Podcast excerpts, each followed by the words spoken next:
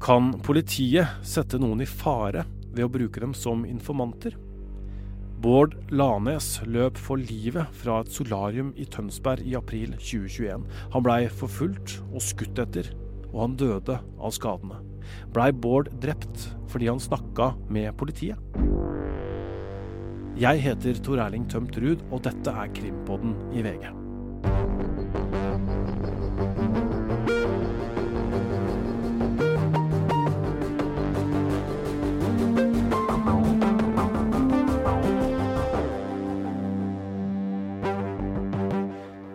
VG har laga en ny podkastserie som handler om drapet på Bård Lanes.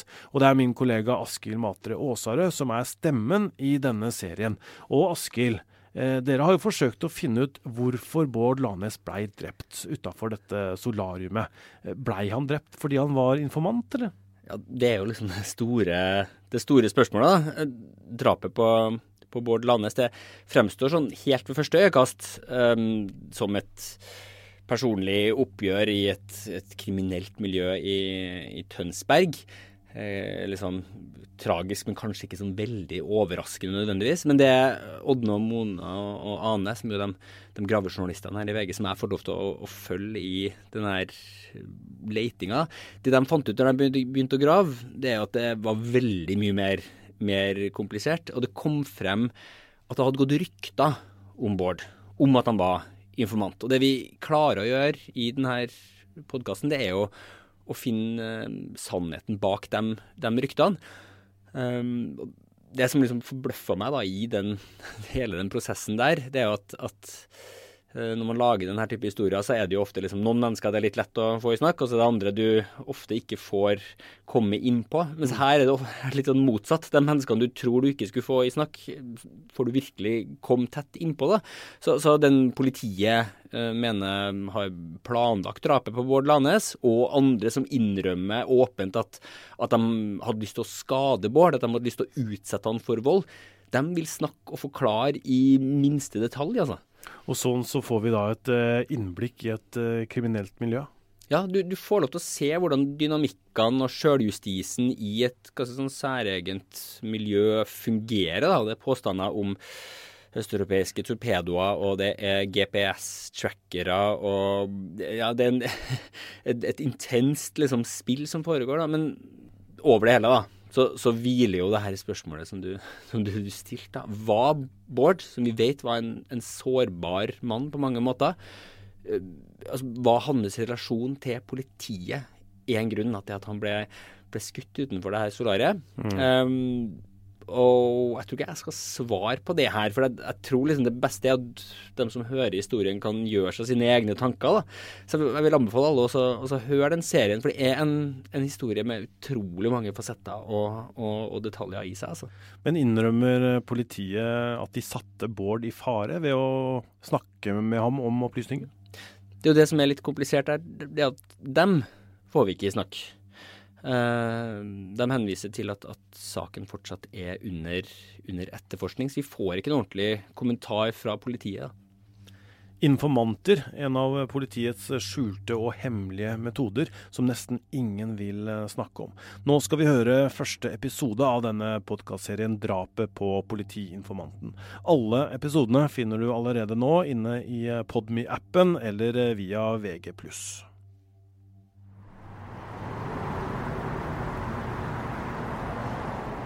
Det er en klam og varm september formiddag på Kilen rett utenfor Tønsberg sentrum. Ok, og det, hvor, hvor, står vi nå, egentlig? Nå står vi jo på den parkeringsplassen hvor eh, Bård Lanes parkerte den skjebnesvangre aprilkvelden. Man kan jo stille spørsmålet hvorfor man skulle velge et sånt sted for det som forferdelig som skulle skje, for det er jo, det er jo mye overvåkning her. Kilen er et industriområde med sånne butikker du helst kjører bil for å komme deg til. Det er megaflis, interiørmaling, det er en butikk for barneklær, en privat tannlege og et kveldsåpent solarium. Forbi oss så kjører en pickupbil med nyinnkjøpt baderomsinventar på planet sakte forbi. Over plassen så vandrer det opp til flere avslappa menn i store bermudashorts i varmen. Men Tønsberg er tross sin bedagelige fremtoning en norsk by med et beinhardt og voldelig undergrunnsmiljø. Et lukka samfunn som ofte er i kamp med seg sjøl. Og som politiet har vært villig til å gå langt for å få oversikt over. Kanskje for langt. Vi har aldri planlagt ta livet av den. Liksom. det er bare feil. Men jeg tenker at den sier noe om hva personer fra dette miljøet tenker og er villige til å kunne gjøre mot det de kaller for tystere. da. Og jeg ønska han vold. Altså, jeg ønska han banka. Jeg ønska han skikkelig tatt han altså, Jeg ønska at han skulle liksom huske resten av livet. Da. Mens han trilla rundt i en rullestol. liksom. Er det rettssystemet som er gærne, eller de guttene som går rundt og skyter som er gærne? Eller eh, hvem er det som egentlig er gærne, liksom? Du hører på Alt fortalt-serien 'Drapet på politiinformanten'. En historie i fire deler av Ådne Husby Sandnes, Mona Grivi Nordmann og Ane Muladal. Jeg heter Askild Matre Aasarød. Episode én Skuddene ved solariet.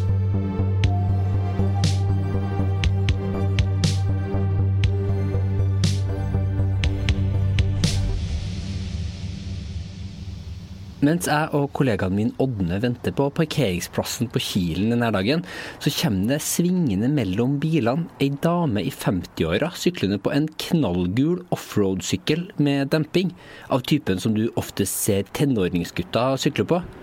Hun bremser rett ved Ådne og meg. Hallais! Er klokka tolv? Hei, Anna. Fint å se dere. Ja. Askild heter jeg. Viske- Vigdis. Hyggelig. På styret så har Vigdis hengende en plastpose med to gule solsikker i. Nei, jeg hadde et par slitne solsikker, og det passer meg litt å sette litt slitne blomster hos Bård. Ja. Han var litt sliten. Vigdis Hegg heter hun. Hun er ei kvikk dame med kortklipt grått hår. En lang øredobb i det ene øret, som matcher en stor eh, rund ring på den ene fingeren, og et hjerteforma halskjede. Du lagt den eh, bakover, bare. For den slår litt mot mikrofonen. Der, vet du. Da har vi løst det. Hjertet på ryggen, vet ikke hva det betyr. Hun har vært en nær omsorgsperson til Bård Lanes, mannen hun har klippet ned de to solsikkene til. Hun møtte Lanes først da hun var læreren til han, men så ble hun en nær venn og har fulgt han gjennom livet. Det er mye hun har lyst til å fortelle om han, men hun er forsiktig pga. taushetsplikten, ei grense hun forholder seg strengt til. Men hun kan hjelpe oss å forstå den Bård hun kjente som privatperson, og det synes hun er viktig, for det er ellers ikke så mange som kan snakke Bård sin sak.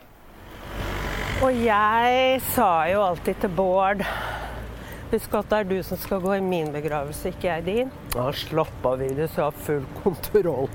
Sånn typisk Bård. Og så tenkte jo jeg mitt om at det kommer eh, sikkert til å bli omvendt. Vigdis fikk rett. Det var på det her industriområdet hvor vi står, at 33 år gamle Bård Lanes møtte opp den siste kvelden i livet sitt, 20. april 2021. Nå skal Vigdis hjelpe oss å forstå hva vi og politiet har funnet om denne kvelden. Så jeg vet jo at en som var og handla på Rema 1000, får en døende, blødende gutt i fanget. Så at dette skjer her nede, det er veldig overraskende. Og så er det jo hauger av overvåkningskamera. Ja, da kommer vi til brun og blid snart. Så står bilen på utsida her. Bård var jo alltid brun og fresh. Så det er litt sånn godt å tenke på at dette var det siste stedet han var. For Bård elska å være i solariet. 20. april 2021 så kjørte Bård og kjæresten hans inn på parkeringsplassen foran solariumet. Det var vårmørkt rundt dem. Bård han var en høy, blond mann med helt kortklipt hår. Han gikk ofte i treningsklær, gjerne i sånne røde boksesko, du vet sånne høye joggesko med knyting et godt stykke opp på leggen. Denne dagen så var han i godt humør. I flere minutter så satt de to inne i bilen på parkeringsplassen og lo og spøkte sammen. Det de to ikke visste der de satt ved siden av hverandre, det var at det under bilen var festa en GPS-enhet som gjorde at noen kunne vite akkurat hvor de befant seg til enhver tid. Det de to i bilen heller ikke visste, det var at det like bak dem hadde fulgt en blå Volkswagen Touran. Den hadde parkert i nærheten idet paret gikk ut av bilen og inn i solarium. Vigdis hun følger den veien de tok.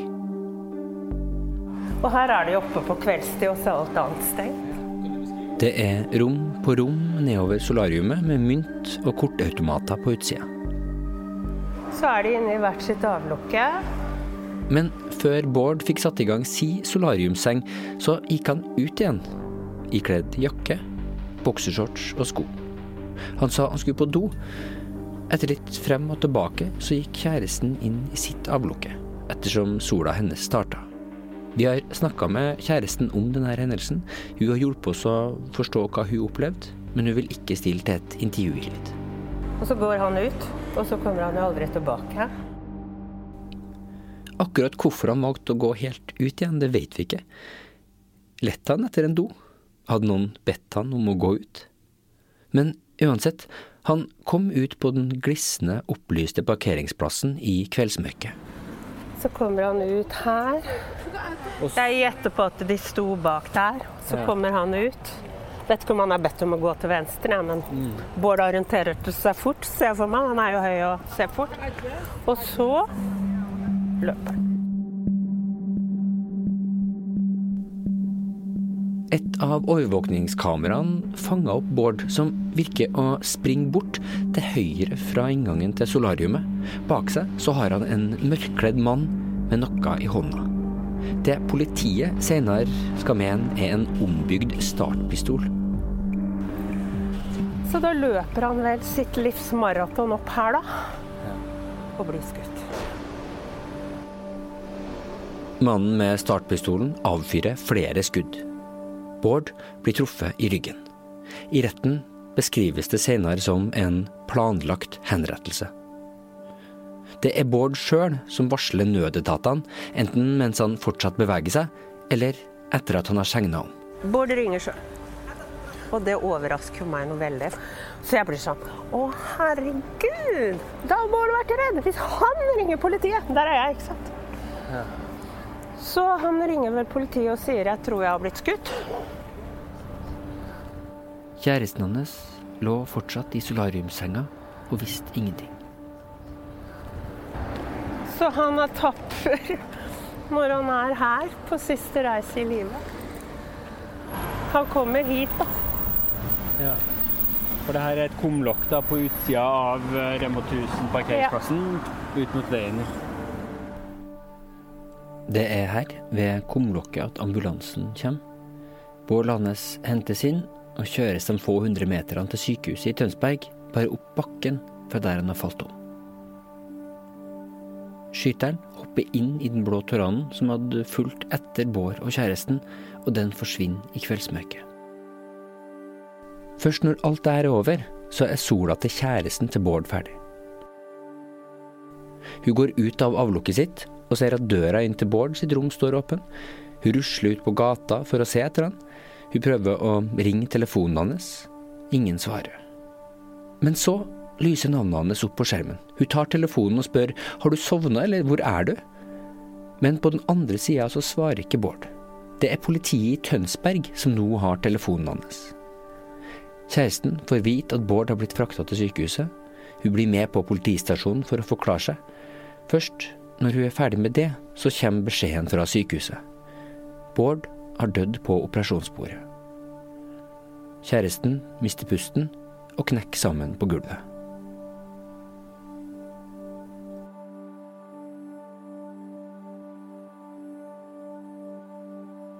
Dagen etter drapet på Bård Lanes så ble åstedet et samlingspunkt, forteller Vigdis. Det ble lagt ned blomster og lys ved kumlokket, og biler kjørte sakte forbi på vei ut av parkeringsplassen. Det var sånn stille atmosfære. Det var mange som kom og gikk og bare rista på huet. og Folk var bevega. Jeg tror hele Tønsberg var i sjokk. Jeg følte at litt nå har Chicago kommet til Tønsberg. What? Kunne dette skje på Kilen en tirsdag kveld i titida, liksom. Men det er jo politiet kjapt ute og sier også at dette virker planlagt, at han ikke er et tilfeldig offer.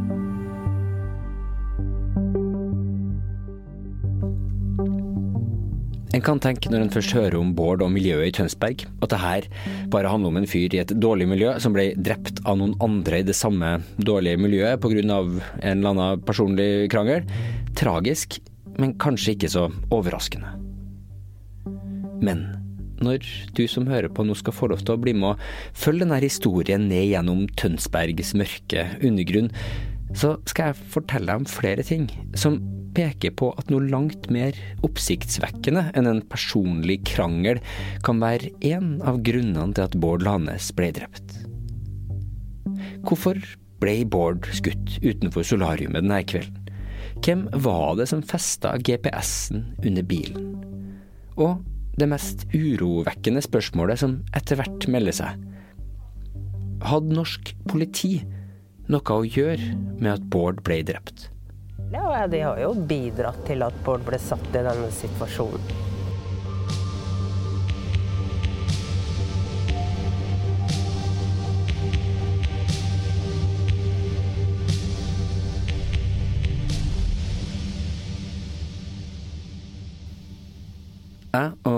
Mine kollegaer her i VG vi skal prøve å nærme oss svarene på de spørsmålene der i denne podkasten, og vi kommer til å komme et godt stykke på vei.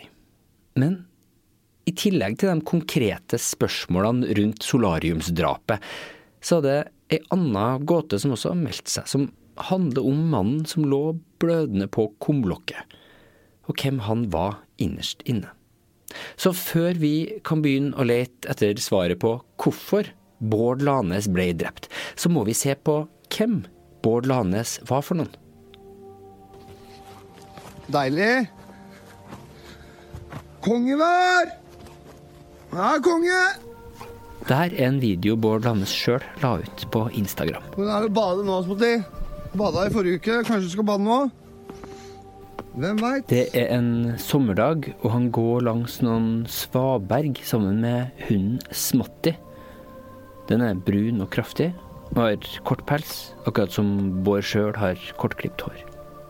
Gresset mellom svabergene er tørt og grågrønt, og vannet det er så klart at du kan se bunnen langt utafor bergene. Trenger ikke bade nå, nei. Det er greit, det. Og Bård er åpenbart grepet av den fine sommerdagen. Deilig, ja. Ja, nå koser vi oss. Hæ? Fy faen, nå deilig vær, ass. Ja, det var deilig. Konge! Woo!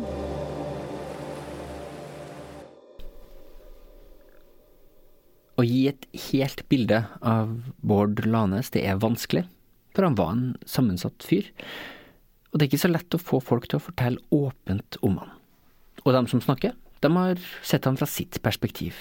Og det tenker jeg er greit å, å si. Det bildet du får av denne mannen, han som går tur og roper mot sola i videoen du nettopp hørte fra, det er et bruddstykke og noen glimt. Noen så på Bård Lanes som en gutt som måtte beskyttes. Noen sier de var redd for han. Andre igjen så på han som en kjærlig, øm, ansvarlig og omtenksom venn. Vigdis Hegg hun har sitt bilde av Bård Lanes. Kalte jo alltid Bård på tull for min Aksel Lund Svindal. Han var jo like flott å se på, og hadde jo en atlet. Kropp av de sjeldne.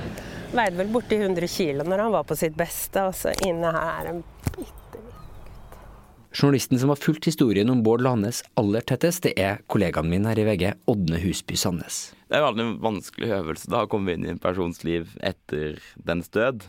Eh, men vi har jo snakket med mange personer, og vi har lest mange dokumenter. Det er jo en kjæreste som beskriver han som verdens eh, beste gutt. En som på en måte krevde så lite for at, at det betydde så mye, da. Det var så lite, en liten ting som at, var, som at senga var redd opp, var liksom enormt. Eh, og det kan jo kanskje speile det at man ikke alltid har hatt så veldig mye, da. At lite omsorg betydde veldig mye.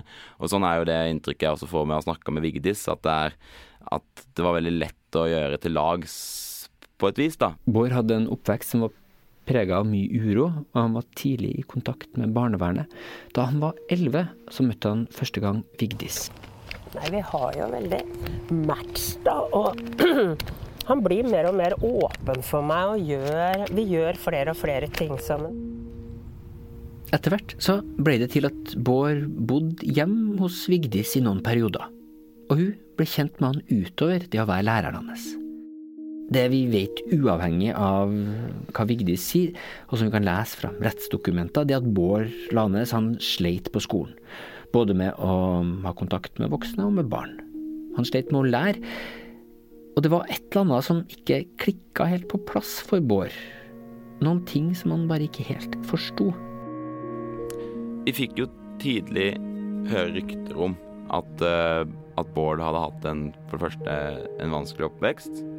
Og at han kunne på noen områder være litt annerledes enn andre. da. Han, kunne, han fungerte veldig godt i det sosiale, og, men han hadde liksom sine begrensninger. Da, noen, det var liksom de tidlige beskrivelsene vi fikk. For Bård Lanes hadde alltid i ungdommen fått en diagnose som kom til å bli viktig for denne historien. Det som diagnosemanualen kalt F70, lett psykisk utviklingshemmet. Så fremgår dette av dom, en av dommene hans fra ung alder, og også flere dommer, at han hadde en diagnose lettere psykisk utviklingshemming. Og for han, så, sånn som det står i personundersøkelsen i denne dommen, så kan det for han, ifølge da disse sakkyndige, være han forstår nok forskjellen på rett og galt, men ikke alltid konsekvensen av sine egne handlinger. Da. At det kan være litt vanskelig å forstå hva som er konsekvensen av det han gjør. Det Ådne henviser til her, det er en personundersøkelse gjennomført av Vestfold friomsorgkontor i 2007, som også retten har henvist til. I tillegg så vet vi at Bård ble erklært ufør da han var 18. Det skal riktignok sies, en lege som eh, var i kontakt med Bård, senere var usikker på diagnosen, og sa at Bård trolig var for intelligent. Så spørsmålet om Bård Lane sin psykiske kompetanse, den er litt komplisert. Ettersom Bård Lanes vokste til, så begynte han å leve et liv stadig nærmere kanten av stupet. Han levde et risikofylt liv. Og tok ikke hensyn til fare. Jeg husker jeg hadde han med meg til Ramberg ute på Nøtterøy. Kjempehøye klipper hvor han bare hoppa fra 18 meter. Og jeg likte det så dårlig. Jeg gikk i bånn også, Vigdis. Og jeg syntes ikke det var kult i det hele tatt. Han var jo en vågal gutt. Han var vill, han var vågal. Det var futt, det var fart. Og jeg visste han tilhørte farligere og farligere miljøer.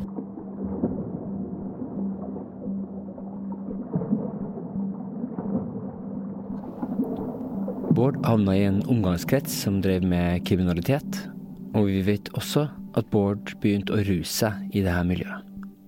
Det som er spesielt med dette Tønsberg-miljøet, er jo at man tenker at Tønsberg er en sånn mellomstor by i Norge hvor alt er fint og greit, det er fint på brygga og Men etter man har jobba med sakene, så fremstår det som at man har hatt et ganske tøft miljø der, da. Og på et eller annet vis så frekventerte Bård det miljøet. Og Bård hadde ligget i en eh, årelang konflikt med en eh, person i det miljøet, som angivelig strekker seg helt tilbake til 2013. I den konflikten så fløy det anmeldelser i den ene retningen og den andre retningen. Men i tillegg til denne personlige konflikten, som du skal få høre mer om senere, så er det i saken om drapet på Bård Landes utenfor solariumet aprilkvelden i 2021 et annet spor som er verdt å følge. Et drøyt år før drapet så ble det delt noe på Facebook, vi vet ikke av hvem, ei liste med ei rekke navn. Den spredde seg gjennom det kriminelle miljøet. Lista hadde tittelen 'Tystere fra Tønsberg'. Hvor det fremgikk en rekke navn, hvor eh, noen da påsto at disse navnene er tystere. Det er de som snakker med politiet. De må dere implisitt holde dere unna. Eller dette er de man eh, skal peke på. Vi vet jo ingenting av sannhetsgehalten i resten av disse navnene, og vi vet jo ingenting om på en måte opphavet osv. Det vet vi ikke så mye om. Men vi vet jo at Bård Lanes sitt navn sto på den lista.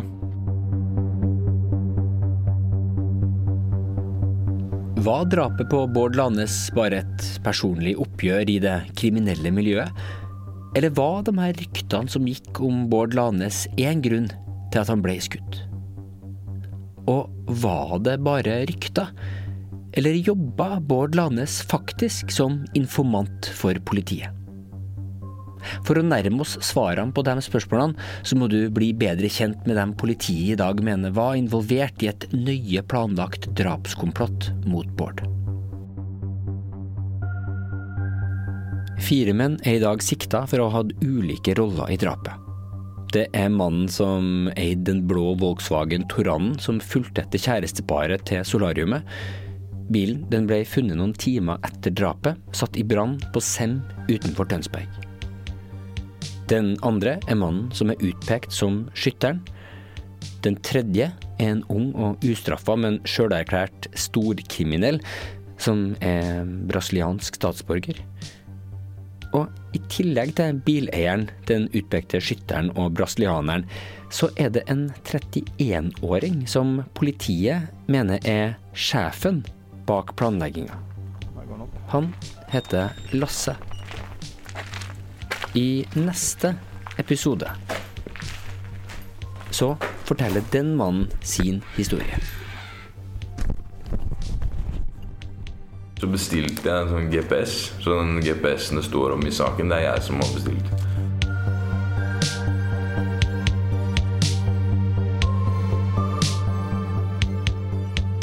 Denne Alt fortalt-serien den bygger på arbeidet til Ådne Husby Sandnes, Mona Grivi Nordmann og Ane Muladal. I tillegg har Øystein Millie og Gordon Andersen medvirka. Musikken er komponert av Ronny Furuvik. Ansvarlig redaktør er Gard Steiro. Jeg heter Askild Matre Aasøre.